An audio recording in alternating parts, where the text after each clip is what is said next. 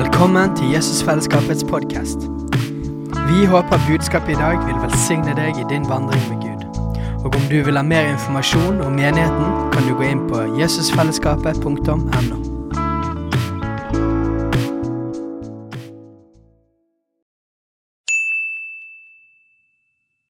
Hei! Visste du at Jesusfellesskapet starter en ny bibelskole til høsten? Den heter Jesusskolen og starter den 3. september. Gå inn på jesusskolen.no for mer informasjon.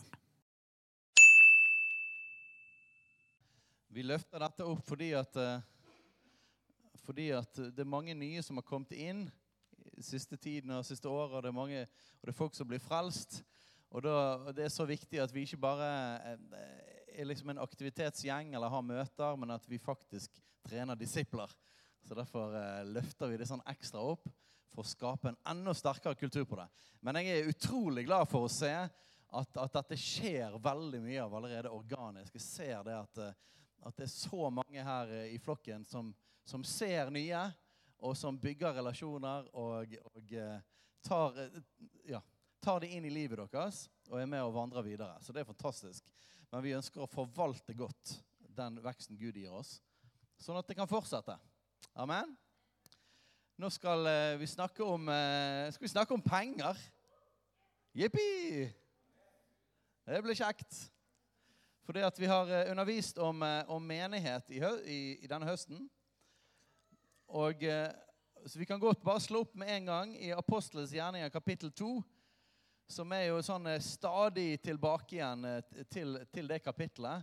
Fordi at det beskriver også den første menighet det som skjedde med den gjengen som ble frelst på pinsedag, pluss disse 120 da, som, som var igjen etter Jesu tre år. De som hadde blitt disipler av Jesus. Og så, og så, ble det en stor gjeng på pinsedag. Og Så står det litt forskjellige ting om de.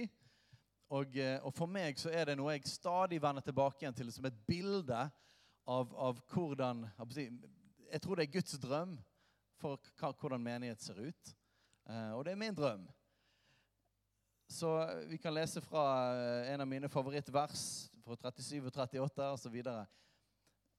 Men da de hørte dette, stakk det dem i hjertet, og de sa til Peter og de andre apostlene, hva skal vi gjøre, brødre? Peter sa til dem, omvend dere og la dere alle døpe på Jesu Kristi navn til syndes forlatelse.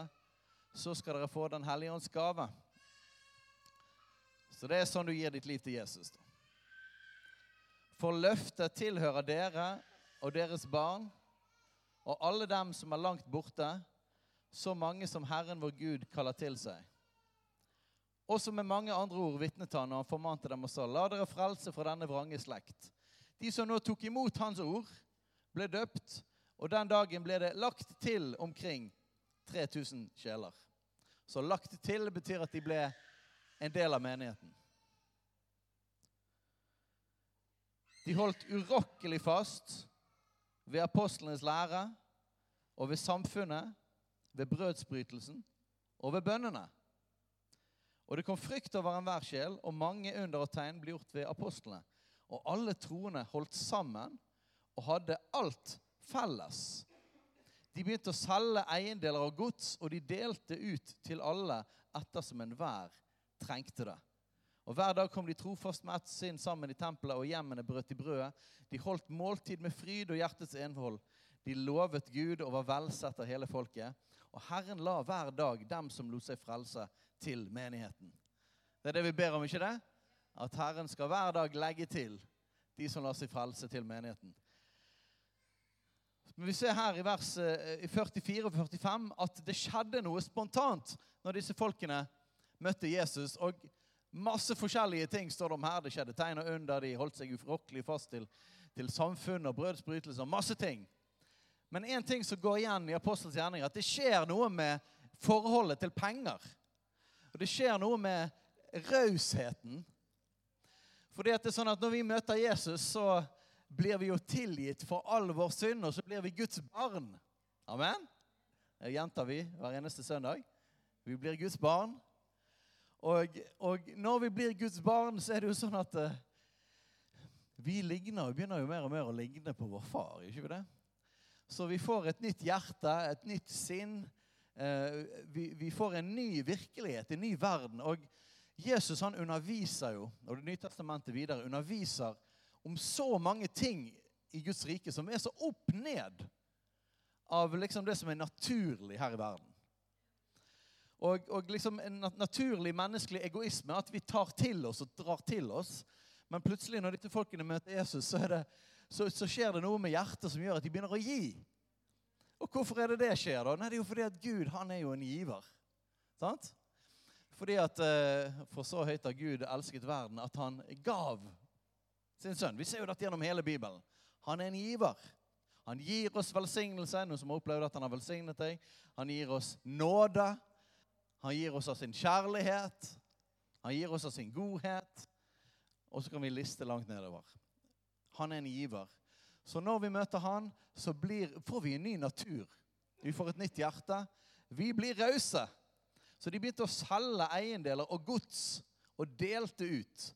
Og Så kan vi se, se litt videre om dette i kapittel fire. Så ser det står litt mer, mer om dette som skjedde der i i menigheten i Jerusalem.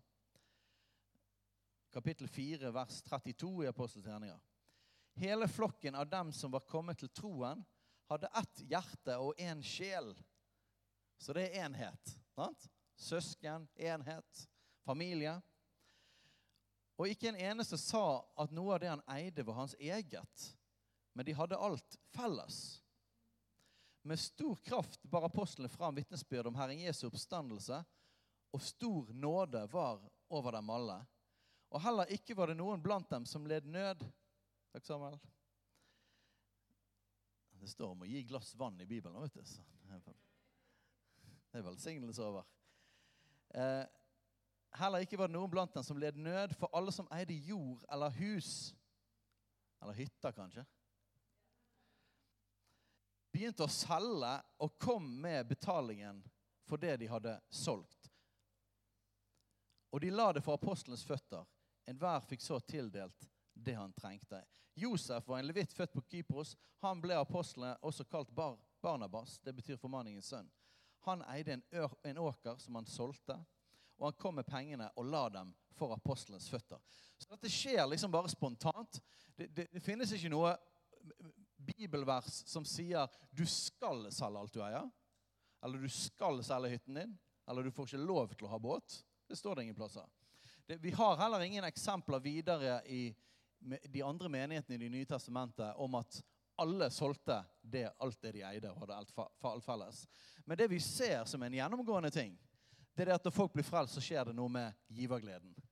Det skjer noe med hjertet. Det, så dette er eksempler. Det er ikke nødvendigvis en sånn derre alle, nå, må vi, nå skal vi starte et slags kollektiv der alle skal selge alt de eier, putte alle pengene inn i en pott, så skal vi det står ingen kommando i Bibelen på at det skal skje, men det er et praktisk eksempel på hva som skjedde der når denne her givergleden dette, Folket fikk et nytt hjerte, et nytt sinn, begynte å tenke annerledes om det de hadde om sin økonomi. Amen? Og dette ser vi, det er den røde tråden som går. Så vi kan jo hoppe langt, langt, langt tilbake. Skal jeg bare si bitte litt om, om, om, dette med givertjeneste og økonomi òg i Det gamle testamentet så ser vi at her er det en, det er en rød tråd i hele Bibelen. For det første så er jo Gud en giver. Så alt han har skapt, det er ut fra han sjøl. Og alt det han gjør, det er jo det vi blir preget av.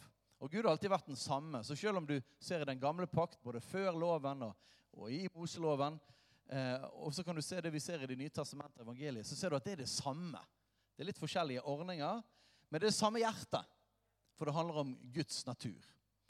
Så det var noe som skjedde med en fyr som het eh, Abraham. Har dere hørt om han? Det er en interessant, eh, interessant greie. Eh, I 1. Mosebok kapittel 14, vers 18 og 20, der ser vi at Abraham møtte en mystisk type som het Melkisedek. Har dere hørt om Melkisedek? Han var en underlig type, og det står det at han gav han tiende av alt. Først hadde de et måltid, og det var brød og vin og sånne ting. Det ser ut som at det er noe greier der i forhold til kobling der med nattverd og påskemåltid og sånn.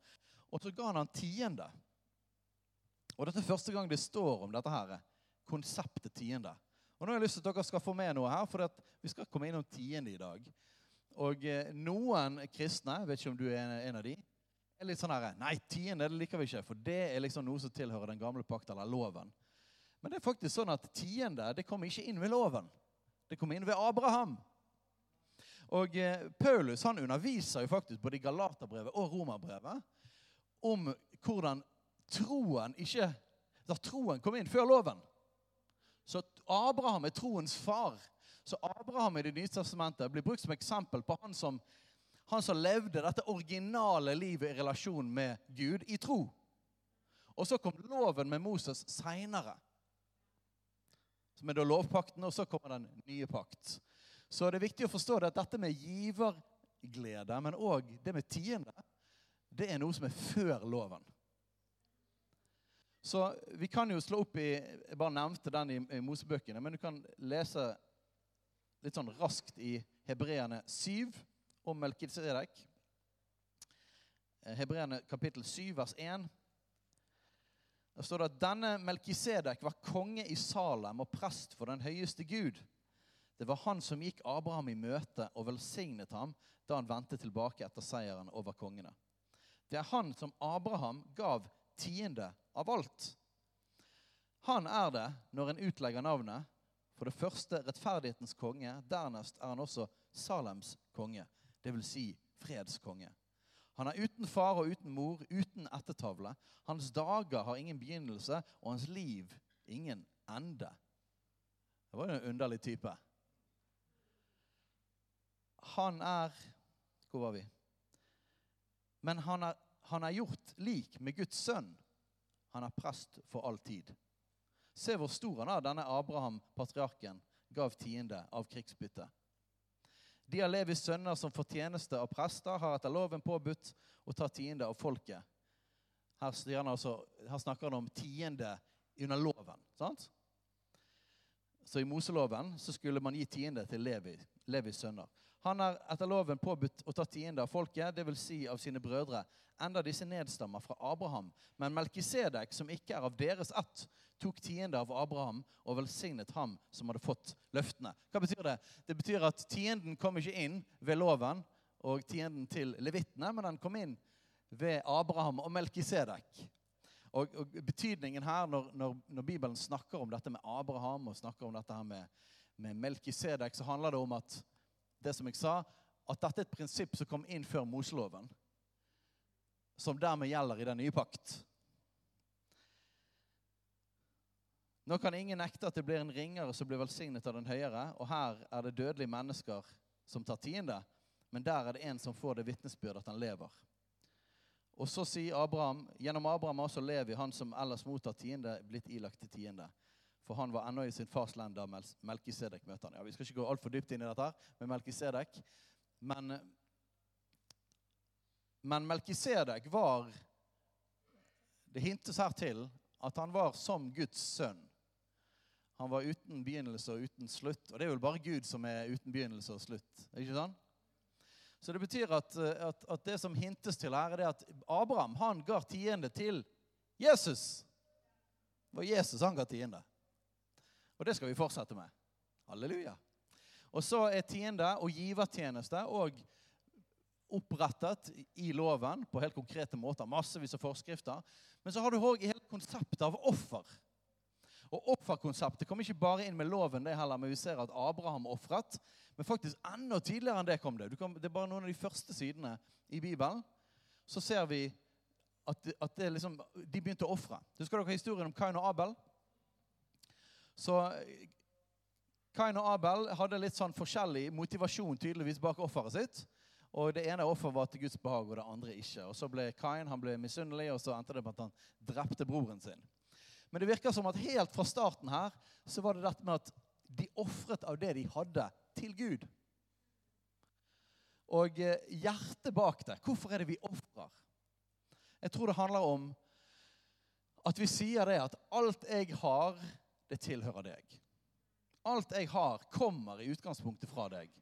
Er vi med på det? Det er Gud som har skapt jorden. Det er Gud som har gitt oss alle ressursene som vi har.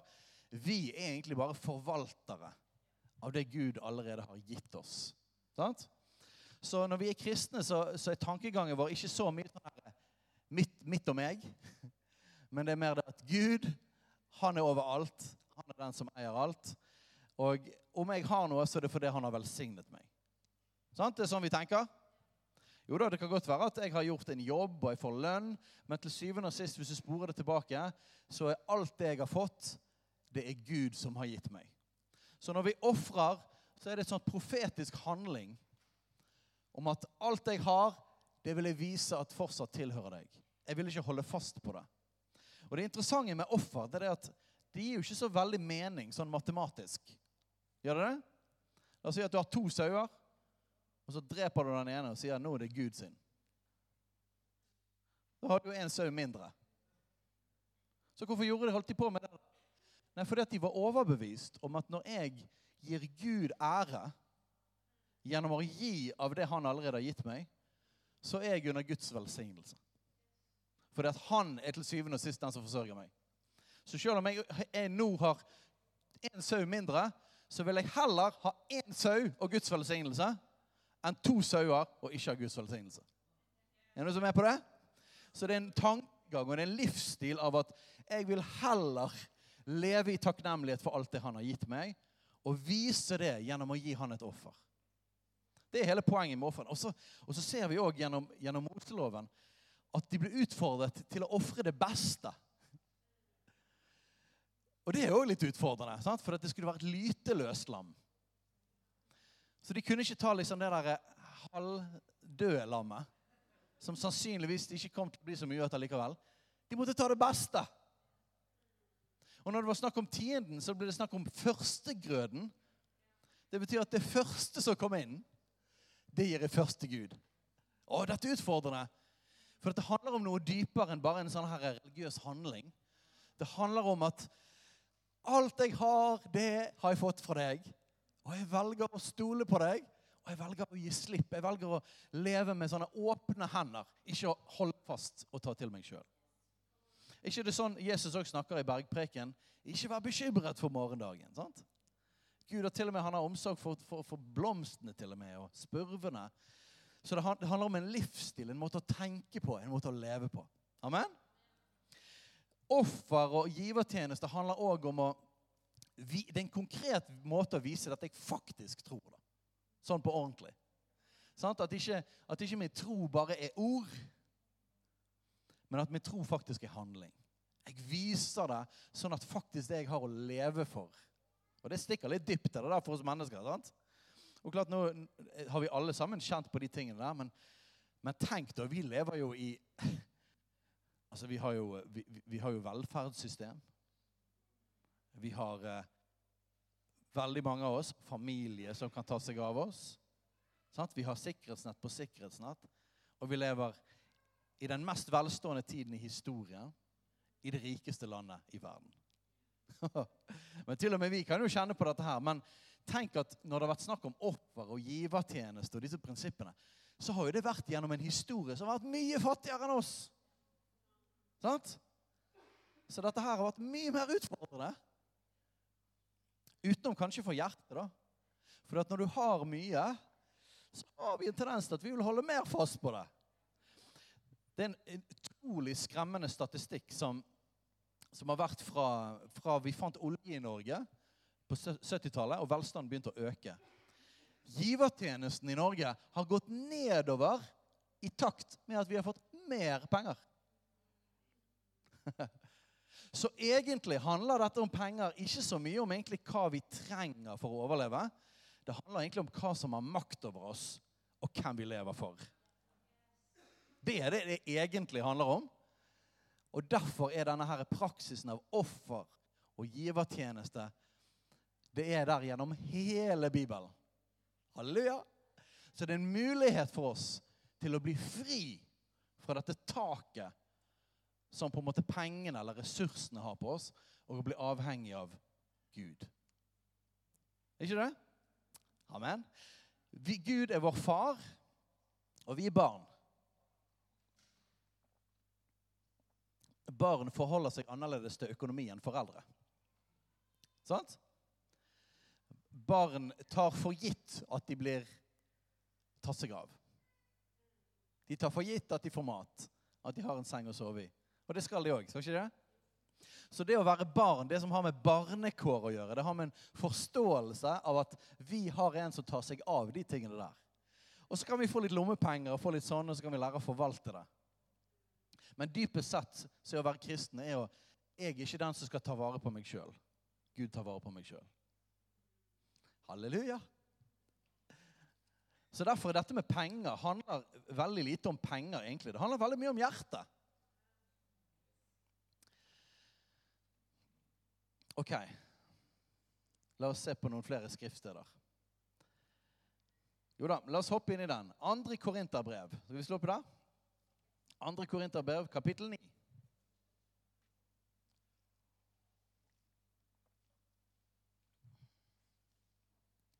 Jeg vil lese et helt kapittel her. Det, er er så vanskelig å, å, si Jeg sliter alltid med dette med å si hva vers du skal begynne på. For alltid, Det er så mye bra i Bibelen, så det er alltid noe så bra i verset før jeg har tenkt. Som vi også må ta med. Så vi må ta det med òg. Eh, 8, kapittel 8, vers 24. La dem nå for menighetens øyne få se et bevis på deres kjærlighet og på den ros vi har gitt dere. Og her er da dette beviset på deres kjærlighet, som Paulus vil snakke om. Det er givertjenesten. Det er i grunnen overflødig at jeg skriver til dere om hjelpen til de fattige.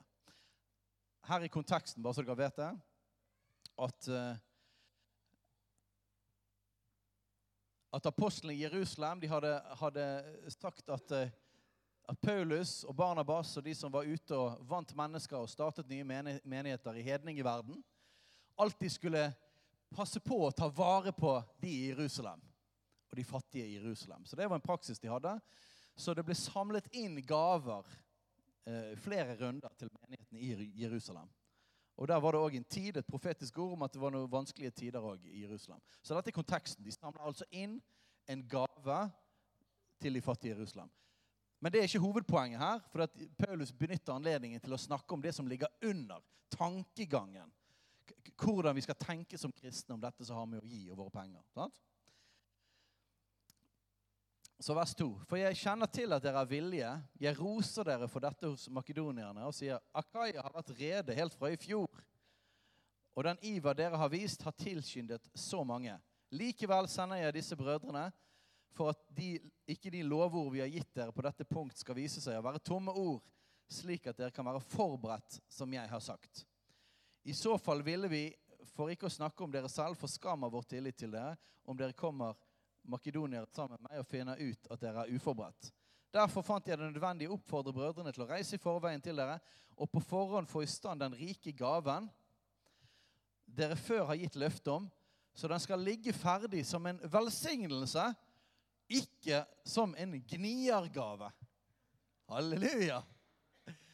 Så Paulus her må være litt sånn, han har skrytt vet du, over menigheten eh, i Korint sånn, De er fantastiske til å gi noe. Han har reist rundt til de andre menighetene. De bare gir så masse, og de har lovet å gi masse penger. Kom igjen, folkens! Vær med og gi sånn som korinterne gjør. Og nå er jeg litt nervøs, for nå, jeg, sånn, jeg håper dere følger opp på dette. Hvis ikke så blir det litt flaut. Så, sørg for at dere gjør det dere har sagt. At dette blir en skikkelig gave til velsignelse, ikke en gniergave. Så det er fint. Du kan tenke på det ordet. Gniergave. Halleluja. Når du gir, når du gir litt, grann, tenk på er dette en niergave eller et velsignelse. Amen. Det er et fint ord. Men sier, men dette sier dere. Den som sår sparsomt, skal også høste sparsomt. Og den som sår rikelig, skal høste med rik velsignelse. Her trekker jo Paulus på, på et ord fra Jesus som sier at det er bedre å gi enn å få og snakker om å så, snakker om givertjeneste. Så han drar, drar, inn det prinsippet. Det er nemlig sånn at pengene våre, ressursene våre, og det gjelder òg tiden vår og kjærlighet og alt I Guds rike så er det sånn at Jesus snakker veldig ofte om dette prinsippet, det sånn jordbruksprinsippet. At det vi liksom gir ut, det får konsekvenser for hva som kommer tilbake igjen til oss. Sant? Den som sår velsignelse, skal sjøl bli velsignet. Og den som mister sitt liv, den skal finne sitt liv. Det er sånn opp ned. Så det er motsatt av liksom verdens prinsipp at hvis jeg får tatt til meg sjøl, da, får jeg masse. Nei, Han sier det. Nei, nei, nei. Hvis du gir masse, så får du masse. Sant? Ydmyk deg for Gud. Gud står de stolt imot, de ydmyke gir han nåde. Og hvis du ydmyker deg for han, så skal han i sin tid løfte deg opp. Sant? Så det er hele tiden motsatt. Hvis du vil lede, så må du tjene. Sånn er Guds rike. Så så ut rikelig, så skal du få rikelig. Høste med rik velsignelse. Er det noen som har lyst til å være i den flowen der? Ja? Og, og, husk det, og dette er viktig for meg. Det finnes jo TV-predikanter som er veldig sånn konkret på dette. Gi en tusenlapp, så skal du få La oss være forsiktige med å være sånn altfor Problemet med det der er at du kan, du kan skape en kultur og en tankegang av at jeg gir for å få. Jeg gir ikke for å få, jeg gir først og fremst for det vi snakket om i sted. Jeg gir fordi at han eier alt i utgangspunktet. Jeg vil at mitt hjerte skal tilhøre han. Jeg tror på at han er min far som forsørger meg. Dette er en profet, profetisk tegn. Jeg vil leve sånn som han. Jeg vil være sånn som han. Og så Neste steget blir det at ja, jeg gir ikke liksom bare den jeg skal få liksom en ting tilbake igjen, som er bare en slags investering. Nei, men jeg, men jeg lever med Jeg har lyst til at min tankegang og min verdi skal være der. Vet du hva? Jeg tror på dette her med å gi ut av meg sjøl. Jeg tror på dette. Jeg tror at det er den beste måten å leve på. er At det flyter ut. Av alt det Gud har gitt meg, så flyter det ut av meg. Og så vet jeg at når jeg lever i den flyten der, så vil han ta seg av. Så lever jeg i velsignelse. Er dere med på forskjellen der? Jeg gir ikke en hundrelapp for å få en hundrelapp. Eller jeg gir ikke en hundrelapp for at det skal bli til en tusenlapp. Jeg, jeg gir fordi at jeg har lyst til å være en del av Guds måte å være på. Og da tror jeg at når jeg gjør det, så er jeg en del av velsignelsen. Jeg vil altså, jeg vil heller ha én sau med Guds velsignelse enn to sauer og klare meg sjøl. Jeg vil leve i denne avhengigheten av Gud. Så den som sår sparsomt, skal høste sparsomt. Og den som sår rikelig, skal høste med rik velsignelse. Her er det jo et spørsmål om tro og tillit til Gud. ikke det? Tør vi da å faktisk teste Gud på dette? At det faktisk dette funker sånn? Med pengene våre og med livet vårt. Neste vers. Enhver må gi slik han setter seg fore i sitt hjerte, ikke med ulyst eller tvang, for Gud elsker en glad giver. Guds rikes prinsipper funker ikke hvis, vi bare gjør de, hvis ikke hjertet vårt er i det. Hvis det er ut fra en relasjon med Gud, hvis ikke det er ut fra det at vet du hva, jeg, fordi at jeg er født på ny og har fått et nytt hjerte, så har jeg lyst til å være sånn som Gud. Så hvis du, er, hvis, du, hvis du, er, ulyst eller tvang eller gniergaver, så gå heller til Jesus og be han jobbe med hjertet ditt. Sant? Så det er ikke bare å gi for å gi, men det, men det handler om et hjerte, en livsstil. Gud elsker en glad giver.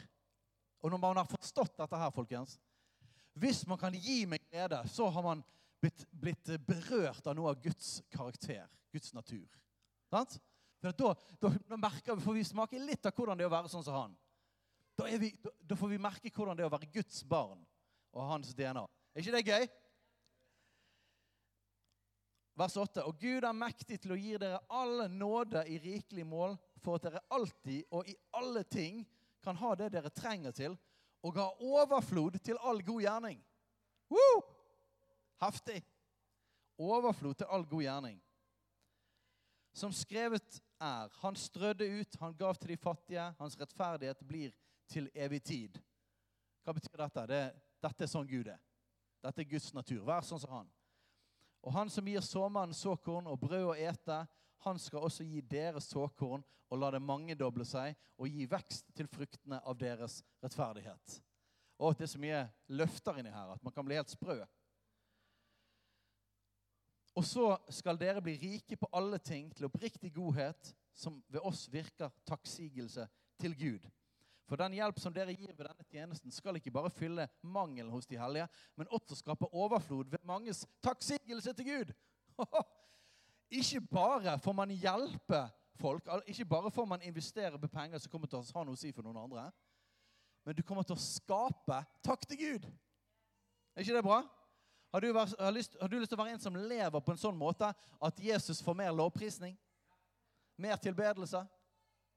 Så jeg får gleden av å gi, for jeg får kjenne på Guds natur. Og andre får gleden av å få. Er det noen som har fått noe her og blitt glad? Halleluja. Og hvorfor er det Hvorfor er det vi takker Gud når noen gir oss en gave? Det er helt rett respons. Det bekrefter jo dette, det at vi tror at alt til syvende og sist kommer fra Gud. Sant? Så hvis jeg får en gave, så takker jeg Gud, for han er kilden bak den gaven. Og så skjer det noe veldig, veldig interessant vers her i vers 13. Denne givertjenesten er en prøve på ektheten hos dere. Uh, hva vil det si? At man viser i sin økonomiske givertjeneste hvor man faktisk er i sitt hjerte i forhold til Jesus. Er ikke det litt heftig? Så det er vanskelig å si 'Jeg elsker Jesus', og jeg har fått oppleve hans enorme nåde og kjærlighet, men jeg er en gnier. Det er en selvmotsigelse. Når vi møter han, så blir vi preget av hans natur. Og når vi møter han, så får vi en tillit til at han er min far, og han forsørger meg. Så dette er en test på om faktisk disse folkene er frelst og kjenner Gud. For dette er helt naturlig. Jeg pleier å si det sånn, for jeg elsker dette her med at loven er skrevet i våre hjerter. At vi har fått et nytt sinn, et nytt hjerte, når vi blir frelst, når vi blir født på ny. Livet i Jesus er ikke å streve med å holde regler og bud. Nei, det er å gi kjærlighet tilbake igjen til Han. Det er at mitt hjerte blir forandret, som gjør at nå vil jeg gjøre det Han sier. Jeg har et stort ja inni hjertet mitt. Derfor er det så utrolig oppmuntrende å forkynne Guds ord til dere. For dette vet dere at dere elsker Jesus. Dere vil følge Jesus. Så jeg trenger ikke å overbevise dere om dette. Jeg trenger bare å opplyse dere om Guds ords prinsipper. Og hvis ikke du visste om det fra før, ha, så har du en mulighet til å bli enda mer velsignet og enda mer kjent med Gud og få leve enda mer sånn som han. For at ja, det er allerede skrevet i ditt hjerte når du ga ditt liv til Jesus. Det gjør det mye lettere å være forkynner og leder. Jeg trenger ikke få dere til å gjøre dette. Den hellige ånd er i dere sjøl. Men jeg kan legge ut Guds ord og utruste de hellige og hjelpe de hellige pga. den åpenbaring man har herfra. sant? Denne givertjenesten er en prøve på ektheten hos dere. Denne gjengen i menigheten er en fantastisk gjeng. Dere er en fantastisk gjeng, og alle de som ikke er her akkurat nå. Og, og masse folk som gir så masse. Det er helt nydelig. Men jeg vet at vi har enda mer potensial til å reflektere Guds natur på dette. Og jeg tror det hovedsakelig har med åpenbaring å gjøre. For det vi ikke forkynner, det har vi heller ikke åpenbaring på nødvendigvis. hvis vi aldri, Med mindre du har lest det Guds ord sjøl og Den hellige ånd har vist deg det. Så jeg, jeg har virkelig tro for at Gud har lyst til å ta oss opp et nivå der vi enda mer skal få ligne på Gud på denne måten. Er ikke det fantastisk? Og det interessante er det, noen er redd, En del kristne ledere er redd for å forkynne om givertjenesteøkonomi. Fordi at man tenker liksom ah, det er en sånn kjip ting som nå vil være dårlig for dere. Det er en minus for dere å høre at nå må vi gjøre enda mer. Men jeg tror faktisk at dette er bra. La oss si at Gud nå hadde sagt at uh, Steinar, fra nå av så kan du få du, du skal slippe faktisk med min, liksom, Jeg skriver under dette dokumentet. Du trenger ikke gi noen ting resten av ditt liv, og det går helt fint. Da hadde jeg sagt nei, Gud, jeg har lyst til å fortsette å gi. Fordi at det er en glede å gi. Det er ikke et minus. Nei, jeg har, fått, jeg har, smakt Guds rikes prinsipper. Det er ikke sånn her Men jeg er frelst av nåde, så jeg har lyst til å være drittsekk resten av livet mitt. Nei, er det sånn det er i hjertet vårt? Nei, det er jo ikke det. Det var sant, Nei, du, du, okay, du trenger ikke å, å, å, dele evangeliet, du trenger ikke å vinne noen. du trenger ikke disiplin. Jo, jeg har lyst til det. Jeg vil jo det. Jeg vil jo at det som jeg har erfart, skal aldri få lov til å erfare. Er ikke det sånn? Så dette er en stor gledesdag at dere får høre mer om givertjeneste. For det gjør livet vårt bedre. Tenk at vi skal få lov til å ta enda et steg og kjenne enda mer på Guds rikes prinsipper og Guds natur. Fantastisk. Så dette er en prøve på ektheten hos dere. La meg se. Hva er klokken? Yes, La oss gå til Malaki, da. Er vi klar for det? I den siste boken i Gamle testamentet så står det noen heftige ord om tiende.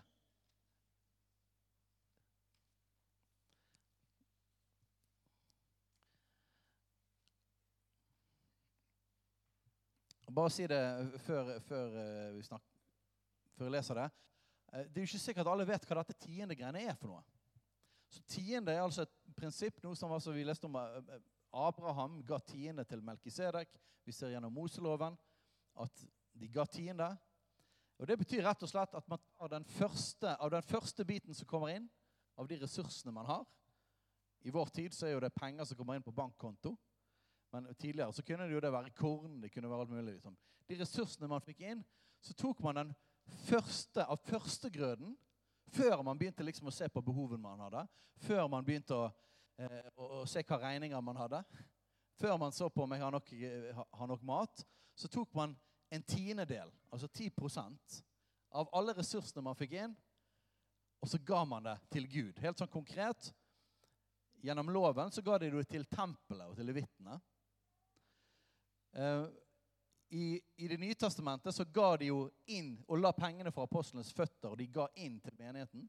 Uh, og Melkisedek, ga direkt, nei, Abraham ga jo direkte til Melkisedek, Jesus. Sant?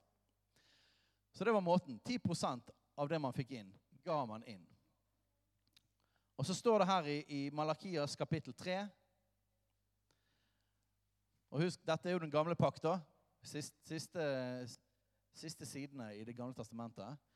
Eh, og dette er jo en, en konfronterende domsprofeti. Og vi er ikke under dom. Vi er under Jesu døde oppstandelse. Amen? Men det er sånn at Guds vilje har ikke forandret seg likevel. Selv om pakten er forandret seg. Og prinsippene er fortsatt like. Vers 7. Helt fra deres, deres fedres dager har dere veket av fra mine lover og ikke holdt dem. Vend om til meg, så vil jeg vende meg om til dere, sier Herren, herskernes Gud. Men dere sier, 'Hva skal vi vende om fra?' Så de hadde ikke åpenbaring helt her på hva som var greien. Og så svarer Malakias i, i dette profetiske ordet fra Gud. Skal et menneske rane fra Gud, siden dere raner fra meg? Men dere sier, 'Hva har vi røvet fra deg?' Tienden og de hellige gaver. Forbannelsen har rammet dere, og fra meg røver dere hele folket. Bær hele tienden inn i forrådshuset, så det finnes mat i mitt hus. Prøv meg på denne måten, sier Herren, herskarenes Gud, om jeg ikke vil åpne himmelens luker for dere og øse ut velsignelse over dere i rikelig mål. Jeg vil true etergresshoppen for deres skyld, så den ikke ødelegger markens grøde for dere. Og vintreet på marken skal ikke slå feil for dere, sier Herren Askeranes Gud. Da skal alle folkeslag prise dere lykkelige, og da skal deres land være et herlig land, sier Herren herskarenes Gud. Uh, det er heftig, hæ?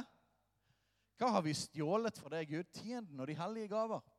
Tienden Det står om tre typer givertjeneste i Bibelen. Er dere med? Nummer én tiende. Det er altså førstegrøden, de første 10% av ressursene vi får inn. Nummer to hellige gaver. Den er veldig gøy. For den har ingen rammer. Vi kan gi så mye vi vil. Og det gir vi både hit og dit. Kan gi det overalt. Så hellige gaver det var sånn ekstra. Vi kaller det ofte kollekt. Eller at du tar og gir noen noen penger eller gaver. Og så den tredje, det var almisser. Almisser var hjelp til de fattige. Og Det var et system i Israel. Man ga til de fattige, og man ga til de som tigget. Så tiende, hellige gaver og almisser herlig med så fantastisk mange gode måter å gi på. ikke det? Er det sånn at nei, jeg har gitt Å, det var så mye greier her. Jeg har aldri lyst noen gang å gi til noen fattige. Nei, det er en glede å gi til de fattige. Eller åh, det var plenty med tienden. Skal jeg gi enda mer? Vet du hva, Det er herlig å kunne gi enda mer. Det er en verdi for, for oss at vi ønsker å gi mer enn tienden. Vi ønsker å, vi ønsker å øke. Vi ønsker å enda mer ligne på Gud. Det er frihetene vi har. Vi har en fantastisk frihet i den nye pakt. Nå er det ikke bare å holde regler. Nå skal vi få lov til å ligne på Gud. fra hjertet. Så det betyr at vi trenger ikke begrense oss til 10 Halleluja. Noen mener det at tienden ikke tilhører Det nye testamentet. Jeg, ikke, jeg, har ikke tid til å gå veldig sånn dypt inn i å begrunne det. Jesus svarte en gang til, til fariseerne eh, dere, dere, gir tiende av, av, av mynte og kan, anis og forskjellige greier, altså krydder. Men dere forsømmer barmhjertighet. Sant? Så han konfronterte dem. Sa at dere supernøyaktig med alle disse her forskriftene. Til og med ned til krydderboksen gir dere tiende. Men dere har mistet og glemt det som er hjertet i loven, nemlig kjærlighet og barmhjertighet. Og Så sier han etterpå dette skal gjøres, altså barmhjertighet, men det andre skal ikke utelates. Så Jesus sier ikke det at du skal slutte nå å gjøre tiende. Nei, men har hjertet på rett sted, og ikke glem det som er hovedhjertet i loven. Men hvis du sier at ja, men det står ikke helt spesifikt at vi må gi 10% i Nytestamentet, da må du falle ned på disse to skriftstedene som vi har lest fra Nytestamentet. Det er de to prinsippene vi da kan sitte igjen med. Det er nummer én. I Jerusalem så ga de alt. De solgte hus og hytter og båter. La pengene for disiplenes føtter. Eller det som Paulus skriver om givertjenesten til korinterne i Korinterbrevet, nemlig å ikke gi gniergaver, men å så ut rikelig, og at dette er en prøve på ektheten i din tro. Så jeg foreslår at vi, siden den nye pakt Det er jo ikke sånn at den nye pakt er sånn her eh, Nå skal vi ligne mindre på Gud. Hvordan var det, hvordan var det i bergpreken? Dere har hørt det sagt. Sant? Øye for øye, tann for tann. Nei, jeg sier dere, dere skal snu skinnet til om noen andre slår dere. Om noen tvinger deg til å gå én mil, skal du gå to mil. Så hva er det Jesus gjør? Han tar jo ikke ned terskelen. Hvis du tror det at den nye pakt er det, så har du misforstått helt. Nei, Jesus han tar opp nivået av hvordan vi skal leve etter Guds vilje. Forskjellen er det at vi skal ikke gjøre det i eget strev og egen kraft lenger. Fordi han har tilgitt alle våre synder og gitt oss et nytt hjerte, og vi er blitt fylt av Den hellige ånd, så er det noen indre drivkraft. Og det gjør faktisk at nivået kan gå opp. Nå er det ikke bare liksom å holde noen buder og regler. Nei, nå skal vi få ligne på Jesus enda mer. Så hvis du vil bruke dette tiende er ikke en ting i den nye pakt fordi at du har lyst til å gi mindre, da har du et teologisk stort problem. Eh, det fins ingen argumenter fra Det nye testamentet om hvordan det forholder seg til penger og disippelskap og overgivelse kan, der du kan argumentere for å gi mindre enn i den gamle pakt. Sånn? Så det går helt greit for meg hvis du sier jeg tror ikke på tiende, jeg tror på å gi mer. Ok. Jeg trenger ikke å diskutere det. Men her handler det om den røde troen fra begynnelsen til slutt. Om at han er en giver, og derfor er vi givere. Det handler om Guds rikes prinsipper. Det handler om offer. Jeg stoler på han, jeg gir kjærlighetsoffer til han. Og så stoler jeg på at han tar seg av meg. Amen? Så folkens, begynn å gi. Og gi fast. Og gi helst, helst mer enn 10 Ikke fordi jeg sier det, men av hjertet. For du ser at ah, jeg, har lyst, jeg har lyst til å strekkes i det her. Så jeg vil utfordre alle sammen i dag. La oss ta ett skritt videre. Og jeg kjenner jo det når jeg forkynner dette. Katrine, da må vi øke. La oss øke. La oss øke det fast. Hos oss praktisk så det, har vi det som fast trekk. Sånn? Fast trekk på en viss sum. Uh, og så bare går det rett inn til menigheten. Og nå er det sånn ja, men får jo, Vi får jo lønn av menigheten. Hvorfor gir dere til vi, vi ga lenge før vi hadde noe ansettelse eller var menighetsleder. Fra første gang jeg hørte dette forkynt av min pastor Reidar Pølsen i Kristkirken, så begynte jeg å praktisere det. Jeg hadde ikke hørt om det før, jeg hadde ingen åpenbaring på det, men jeg hadde et hjerte for Gud, jeg ville følge han. Så når jeg hørte dette underviset, er det bare Selvfølgelig! Det er ja i mitt hjerte. Og siden det så har vi praktisert det. Og jeg angrer ikke et sekund på noen kroner som jeg har gitt. Jeg ønsker at vi skal strekke oss enda lenger i å ligne på Gud og gi enda mer av våre ressurser. Vi tror det funker sånn. Tienden, eller det vi gir fast, legg det for apostlenes føtter. Legg det inn i menigheten. La det være mat i mitt hus, sa Herren. Gi det inn til menigheten som du tilhører, inn til familien. Sånn at det kan bruke til, brukes til Guds rikes framgang. Du, trenger, du må ikke selge hytten din, og vi trenger ikke ha alt felles. Men hva med at vi i alle fall tar noe fra inntekten vår, og så gir vi det inn felles, sånn at Guds rike kan gå fram? For det er jo poenget. Ikke at liksom pastoren skal kjøpe seg båt. Sant? Og jeg kan med stor frimodighet forkynne dette. For jeg vet at jeg har alltid jobbet mye mer enn jeg har fått lønn for.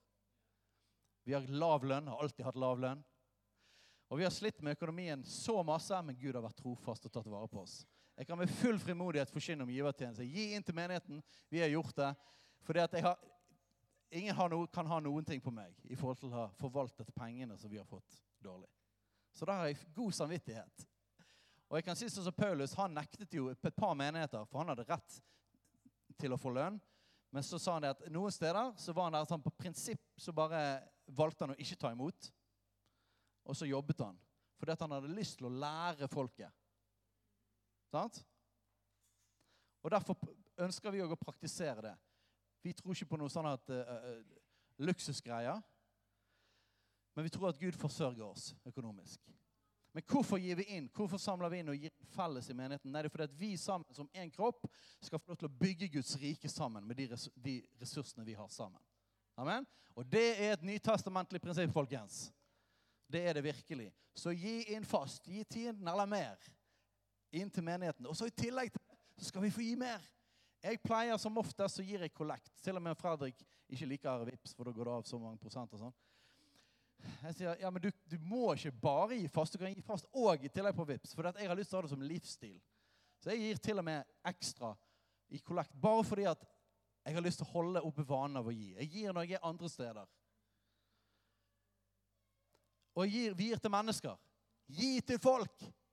Gi til folk som trenger det. Bli ledet av Den hellige ånd. Kanskje jeg skal gi denne personen. Kanskje jeg skal gi noe til denne personen. Kanskje vi skal hjelpe den personen. La Den hellige ånd lede deg. Og vi har noen fantastiske givere i forsamlingen her. Vi kunne fortalt så mange historier om fantastiske selvoppofrende mennesker som velsigner og hjelper. Og den tredje tingen alle misser gi òg til de fattige. Ikke vær redd for å gi til, til tiggere. Jeg tror vi skal gi til tiggere. Det er deres ansvar hva de bruker pengene til. Men Jakobs brev snakker om at hvordan kan vi ha Guds kjærlighet i oss hvis vi ikke gir når vi ser noen lide nød. Så vi gir til tiggere. Gi til de fattige. La oss samle inn til misjon. La oss samle inn penger og til å hjelpe mennesker i andre land som har mindre penger. Halleluja. Jo mer vi gir, jo mer er vi i flyten av Guds velsignelse. Ok. Det er masse flere ting man kunne sagt om bibelvers, men jeg tror at dette var plenty til at du skjønner poenget. Og så har jeg lyst til at Anders skal få dele lite grann. For Anders er, er en som virkelig har som Gud har gitt åpenbaring Anders og Nette, på dette med givertjeneste, så har jeg lyst til at Anders skal få dele litt om hva Gud har vist dem. Takk. Nå må jeg prøve å bare snakke litt rolig, for nå er det en kar der borte som jeg akkurat har fått til roe. tror Ikke det var min.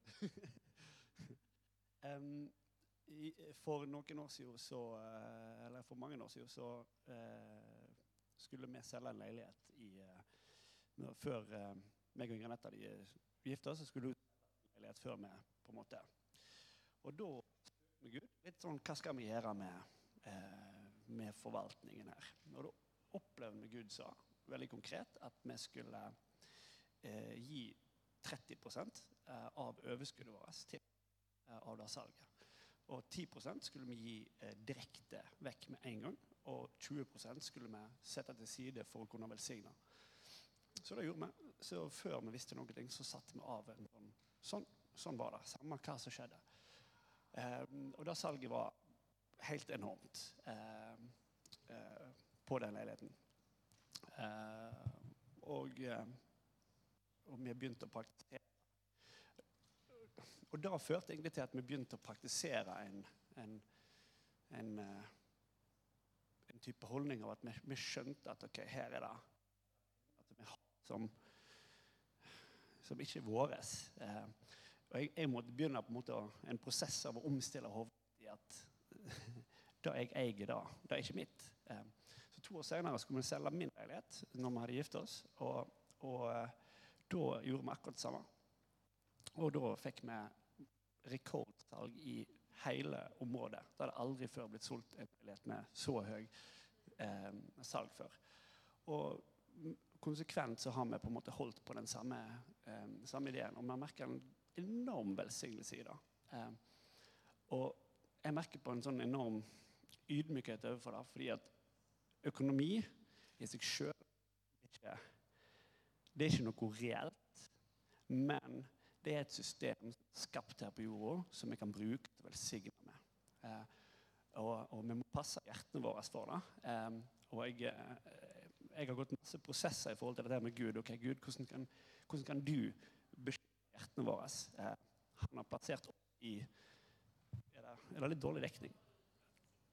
Så. Um, han har gitt oss eh, et kall i å være i eh, sekulære jobber. Eh, så vi har jo på en måte hatt vår faste inntekt. Um, men har opplevd at vi, vi skal gi og velsigne med de pengene som vi har. ok, da er Noen er kalt til å forkynne her på søndagene. Noen er kalt til å være der ute der det ikke er noen kristne. Både som en mulighet for å evangelisere, men òg for å kunne, kunne, velsigne med de pengene han, han gir oss. Eh, og jeg opplever liksom opplever Gud, Gud han er en, han er en raus giver. Altså, han, han, er, han, han, er bare så enormt stor. Og det er, faktisk, det er, faktisk, ingenting som er umulig for han når det kommer til midler, når det kommer til å velsigne og skape. Og, og, og vi som barn vi liksom, Det er meningen at vi skal arve hans sinn, hans tanker i forhold til det. At vi, vi tenker for lite om hva Gud kan gjøre med våre penger, med vår tid, med alt vi har. Um, Sånn at eh, jeg, jeg, føler det det har gjort for vår del, er blitt en sånn Gud, beskytt oss fra den dagen dine velsignelser blir altså, Gud beskytter oss ifra at hjertet skal feste seg til det. Så, um, sånn at vi kan være rause givere med, med, alt som du gir oss. Ikke bare med våre penger, men òg med tida vår. Okay, hvordan, hvordan, bruker jeg tida mi? Um, en måte vi har det veldig konkret i livene våre på, er at vi har sagt for at vi, har, vi har satt en maksgrense for hvor masse vi skal tjene.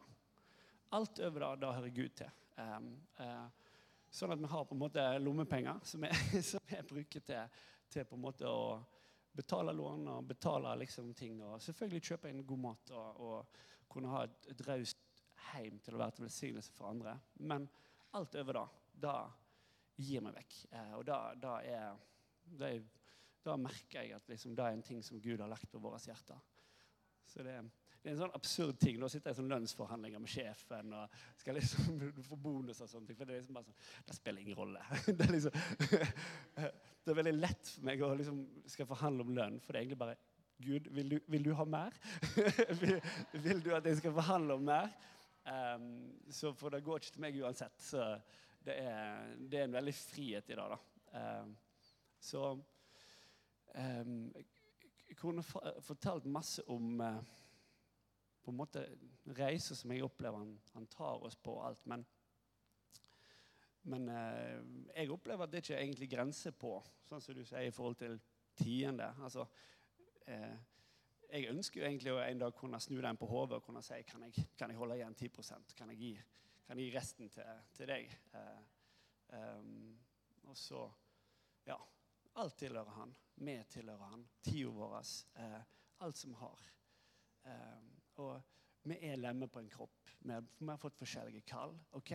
Men la oss bruke det. Ikke for å nære vår egen egoistiske ønske der og da. For de kommer. Hvis ikke vi passer hjertene våre, så kommer de. Uh, så vi må liksom bare ja, sette sunne grenser. Ja, for å være gode forvaltere i. Mm. Så, så bra. Hei, alle sammen. Det er Katrine og Steinar Lofnes her. Vi er hovedledere for Jesusfellesskapet. Så kjekt du har lyttet til denne podkasten. Har du forresten hørt noen av de andre podkastene våre? Ukens tale, Disippelskolen, Hyrdepodden, Kulturkrigen og Mammas hjerte. Du finner disse podkastene på Spotify, Apple Podkaster og på nettsiden vår jesusfellesskapet.no.